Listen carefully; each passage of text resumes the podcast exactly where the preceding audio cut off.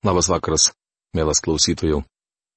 Aš jums primenu, kad mes studijuojame Senąjį testamentą ir nagrinėjame patarlių knygą. Šiandien pradėsime septintos skyriaus apžvalgą. Prieš pradėdamas norėčiau paprašyti Dievo palaiminimo.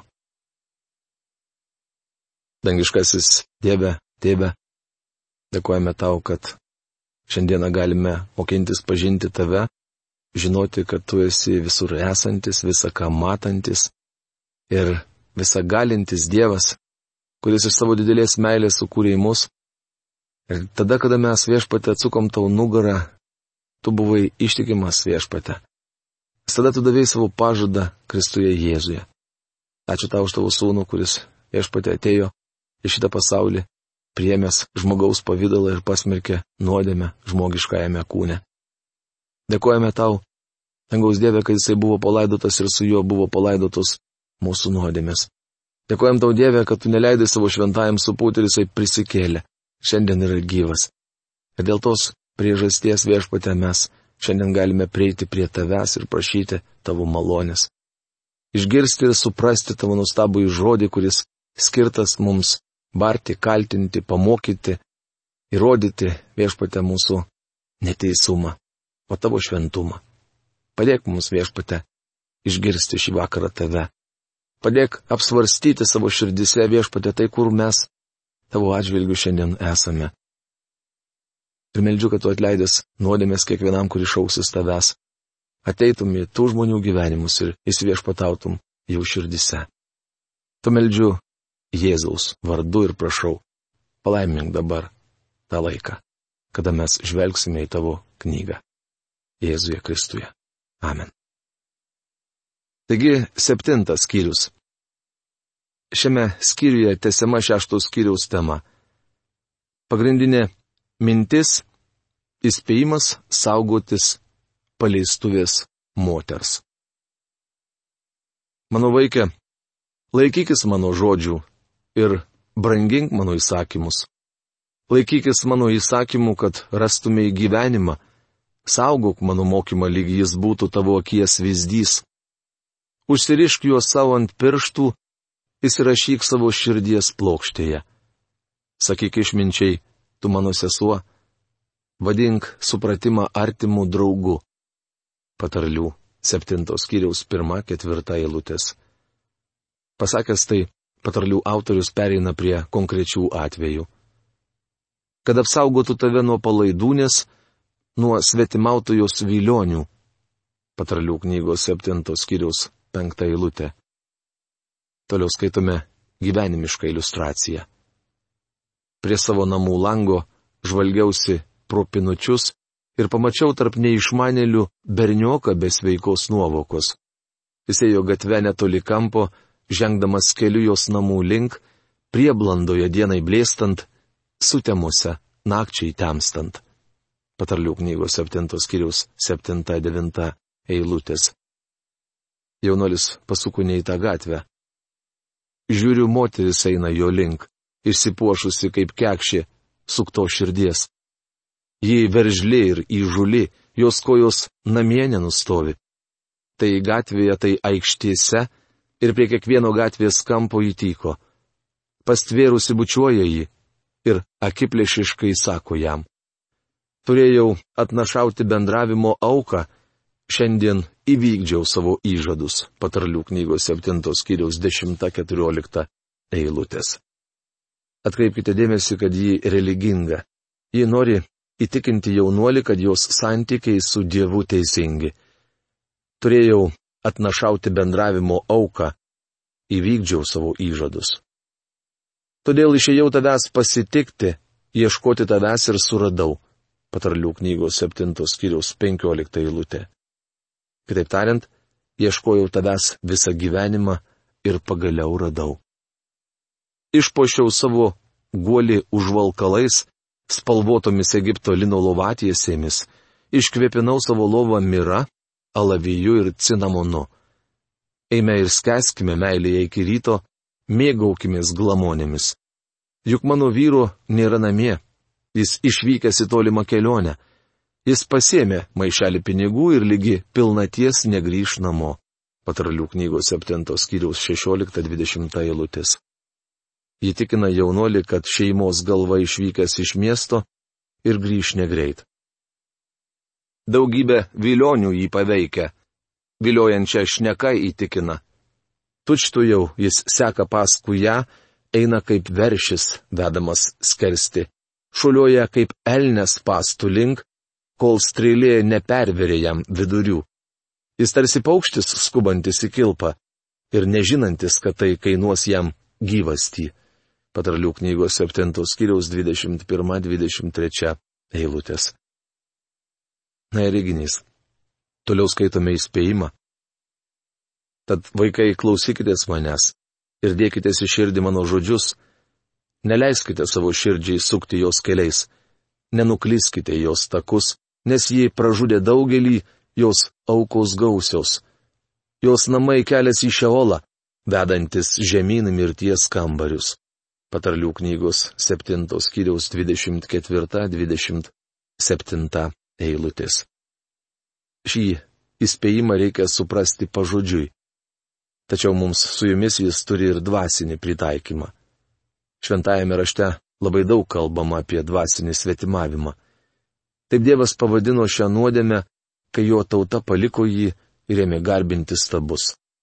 Jie pakliuvo į stabmeldystės pinklės ir tapo nuo jos priklausomi. Izraelitai paliko gyvąjį ir tikrai Dievą.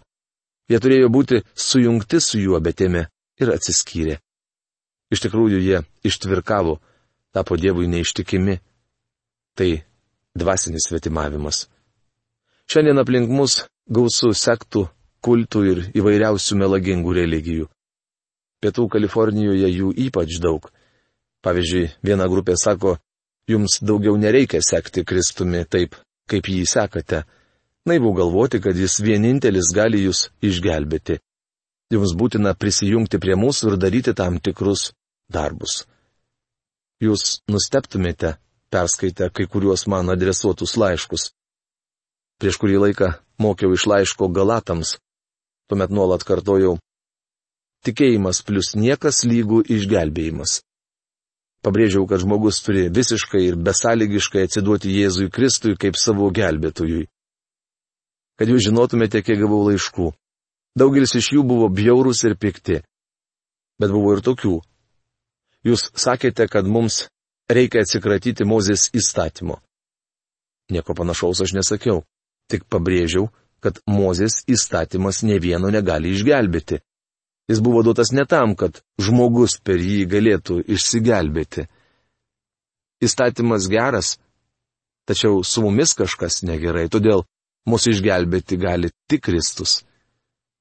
Kai nusisukame nuo savo pastangų, savo darbų ir atsigrėžėme į Kristų, jis gali mus išgelbėti. Kiti rašė man, norėdami pasakyti, kad aš labai suklydau. Jūs turėjote pabrėžti, jog būtina tam tikrų būdų pasikrikštyti. Kiti piktinosi. Jūs privalėjote informuoti juos, kad būtina prisijungti prie tam tikros grupės. Dar kiti aiškino, kad aš turėjau liepti klausytojams laikytis Mozės įstatymo. Anot jų, net ir tikintiems Kristų privalu laikytis įstatymo. Jums leidus, atsakydamas į šios pamokymus, pasakysiu tik tiek, kad tikintysis yra sujungtas su Kristumi. Kristus sakė, kad mums reikia laikytis jo įsakymų, jei įmylime, o jo įsakymai nėra sunkus. Mes turime mylėti vieni kitus, būti pripildyti Dievo dvasios. Tame ir slypi dieviškoji meilė.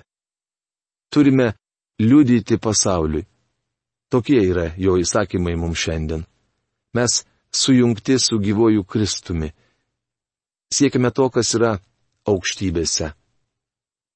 Žmonės turi matyti dvasios vaisių mūsų širdyje ir gyvenime. Šiandien meilikaujančios sektos ir gausybė klaidingų religijų yra kaip ta gatvėje stovinti moteris. Jie meilikaudama kviečia vyrus ir moteris. Ji pasibeldžia į jūsų duris ir paduoda traktatą. Ji įtiko jūsų visur. Tai prostitutė, norinti nuvilioti jūs nuo Kristaus ir įtraukti į savo sistemą. Bičiuli, ta dvasinė prostitutė ramsto namų sienas jūsų gatvėje, net apsilanko jūsų namuose pasinaudodama radijų ir televiziją, mėgindama jūs suvedžioti. Mums sakoma, jog tas, kuris seka paskui ją, yra kaip veršis, vedamas skersti. Šuliuoja kaip elnes pastų link. Trokštų, kad mes nepasitenkintume nieko išskyrus Jėzų Kristų. Mano nuomonė čia išsamei ir tiksliai aprašytos sektos ir visos melagingos religijos. Visos jos pasipuošusios kaip prostitutė, patrauklios ir gundančios. Jos siūlo žmogui tai, kas iš tikrųjų galiausiai jį pražudys ir nusiūs tiesiai į pragarą, kas atskirs jį nuo mylinčio Kristaus. Mielas klausytojau, turiu taip pat ir truputį save pataisyti ir pasakyti, kad mes turėtume atskirti tai, ką mes priimame iš žmonių. Nes tarptų sektų ir kultų yra žmonių, kurie myli Dievą ir šiandieną eina skelbdami gerosios naujienos žinę, išgelbėjimo žinę. Todėl kiekvieną kartą turite įsiklausyti ir atskirti dvasias, nes taip mokina raštas.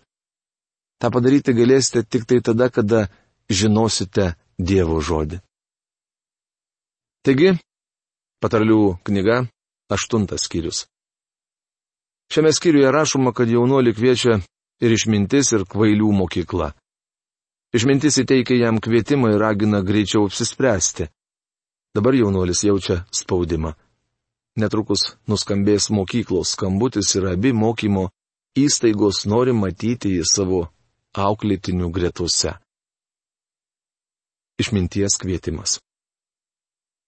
Argi nešaukia išmintis, ar nekelia balso supratimas, patarlių knygos aštuntos kiriaus pirmą eilutę. Kaip matėme, jaunuolis buvo gundomas ir viliojamas palikti išminties mokyklą. Patikėkit, sektų ir visokiausių melagingų religijų atstovai vaikšto gatvėmis ir skambina žmonėms į duris. Dievo žmonės turėtų daryti tą patį. Aš labai džiaugiuosi, kad šiandien yra nuostabių organizacijų, kurios padeda jauniems žmonėms surasti teisingą kryptį.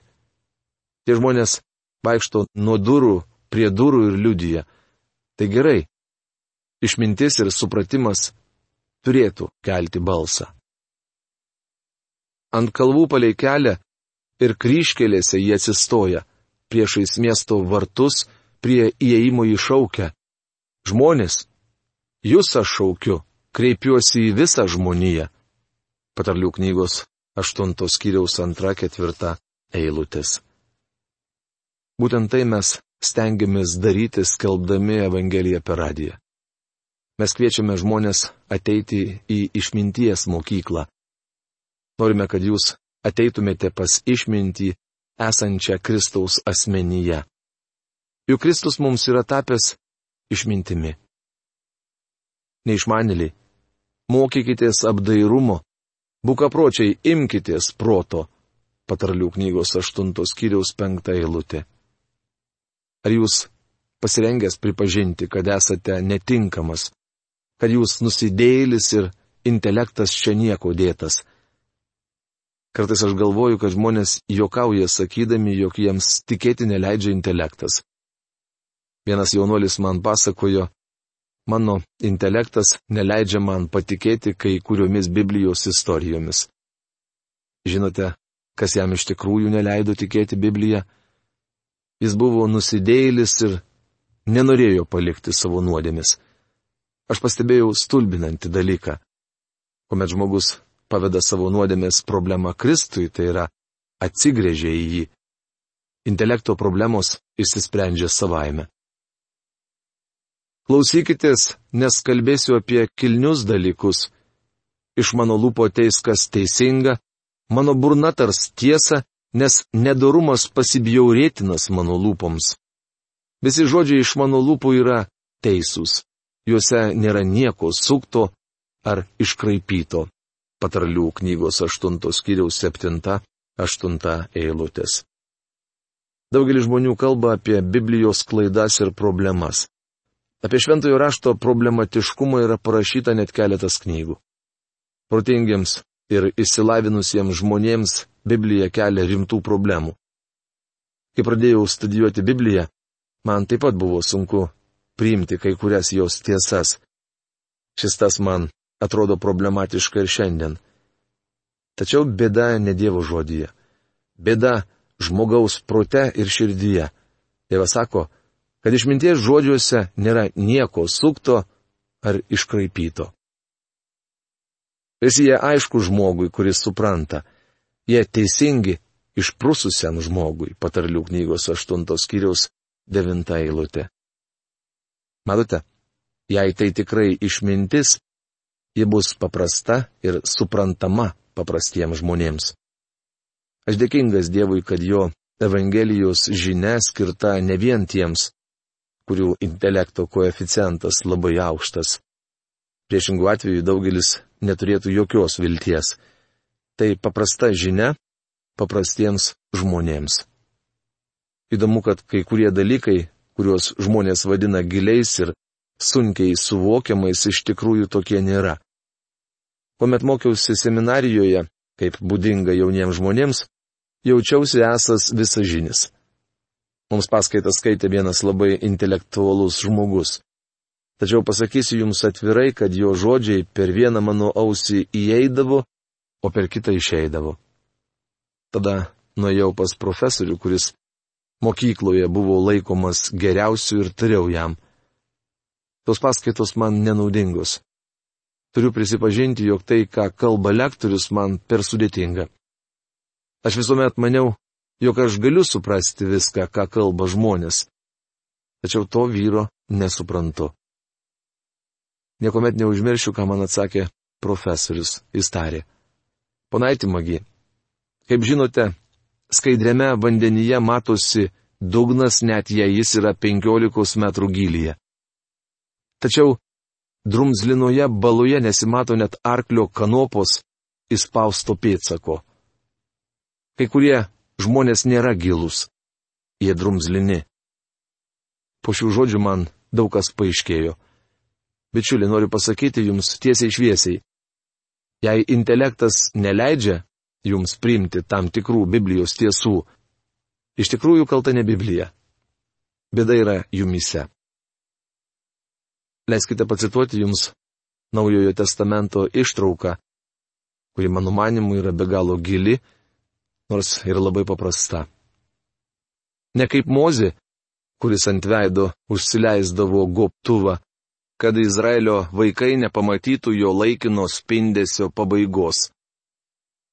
Deja, jų protai atbuko. Iki šios dienos jų akis dengia tas pats goptuvas, kai skaito Senąjį testamentą, ir jis lieka nenudengtas, nes jį nuimti te gali Kristus. Rašoma antrame laiške korintiečiams trečiame skyriuje 13-14 eilutėse. Galbūt pamanysite, jei tie žmonės negali suprasti dėl to, kad jų protus dengia goptuvas, jie nėra atsakingi? Daugelis žmonių šiandien teisinasi nesupranta Biblijos todėl, kad jų protą dengia goptuvas. Bet paklausykite, kas rašoma toliau. Taip iki šios dienos, kada tik skaitomas mozė, goptuvas tebedengia jų širdį. Bet vos tik žmogus atsigrėžia į viešpatį, goptuvas nukrinta. Rašoma antrame laiške korintiečiams, trečiame skyriuje, penkioliktoje, šešioliktoje eilutėse. Čia pasakyta, kad vos tik širdis atsigręš į viešpatį, goptuvas bus nuimtas. Matote, bėda ne mūsų galvoje bet širdyje. Pakalbėkime labai praktiškai, vadinkime daiktus savais vardais. Nesakykite, kad per didelis intelektas jums neleidžia ateiti pas viešpati. Tikroji bėda nuodėmė, kur yra jūsų gyvenime. Jūs nenorite keistis. Nenorite palengti savo širdies bei galvos ir ateiti pas Jėzų Kristų. Štai tikroji problema. Atkreipkite dėmesį, kad širdžiai atsigręžus į viešpatį įvyksta nuostabus dalykas. Nuo akių nukrinta goptuvas. problemos išsisprendžia. Vienas didis žmogus viduramžiai sakė, aš turėjau daug problemų, kol netėjau pas Kristų. Mes galime vadinti tai per didelio intelekto problemomis, tačiau iš tikrųjų bėda širdyje. Dievo žodis sako tai labai aiškiai.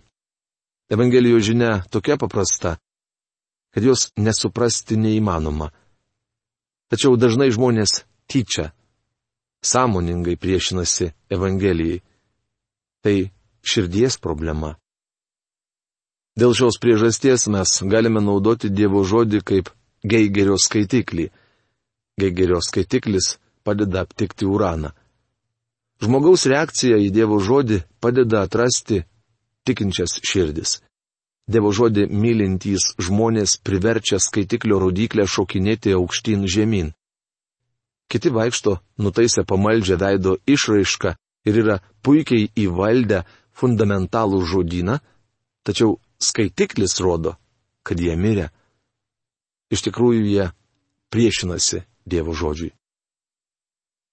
Daugelį kartų buvau prašomas sudrausti tuos, kurie priešinasi Dievo žodžiui. Į tai aš atsakau, jog mano pareiga paprasčiausiai skelbti žodį. Jo sudraus pats viešpats. Per ilgus tarnavimo metus mačiau, kaip viešpats tai daro. Jis pamoko tai vieną, tai kitą žmogų, o kartais ir visą šeimą.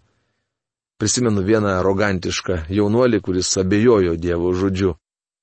Galiausiai jis paliko savo žmoną ir išėjo pas kitą moterį. Jo gyvenime buvo nuodėmė.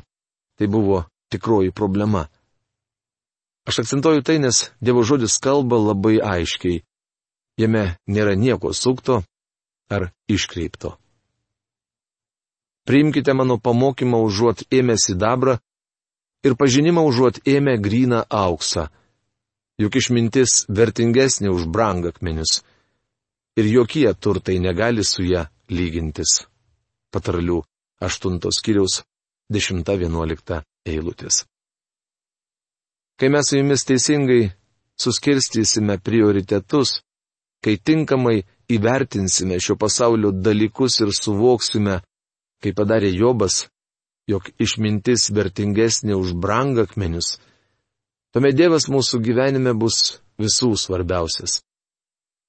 Kaip sakė viešpats Jėzus, Jūs pirmiausia, ieškokite Dievo karalystės ir jo teisumo, o visa tai bus jums pridėta. Taip mums viešpatės Jėzaus palikta ir užrašyta Mato Evangelijos 6 skyriaus 33 eilutėje. To aš jums, baigdamas laidą, ir norėčiau palinkėti. Pirmiausia, ieškokite Dievo karalystės ir Kristaus Jėzaus teisumo o visi kiti dalykai, nesuvokami ir nesuprantami, mums bus kasdieną gausiai pridedami. Iki greito pasimatymo. Sudė.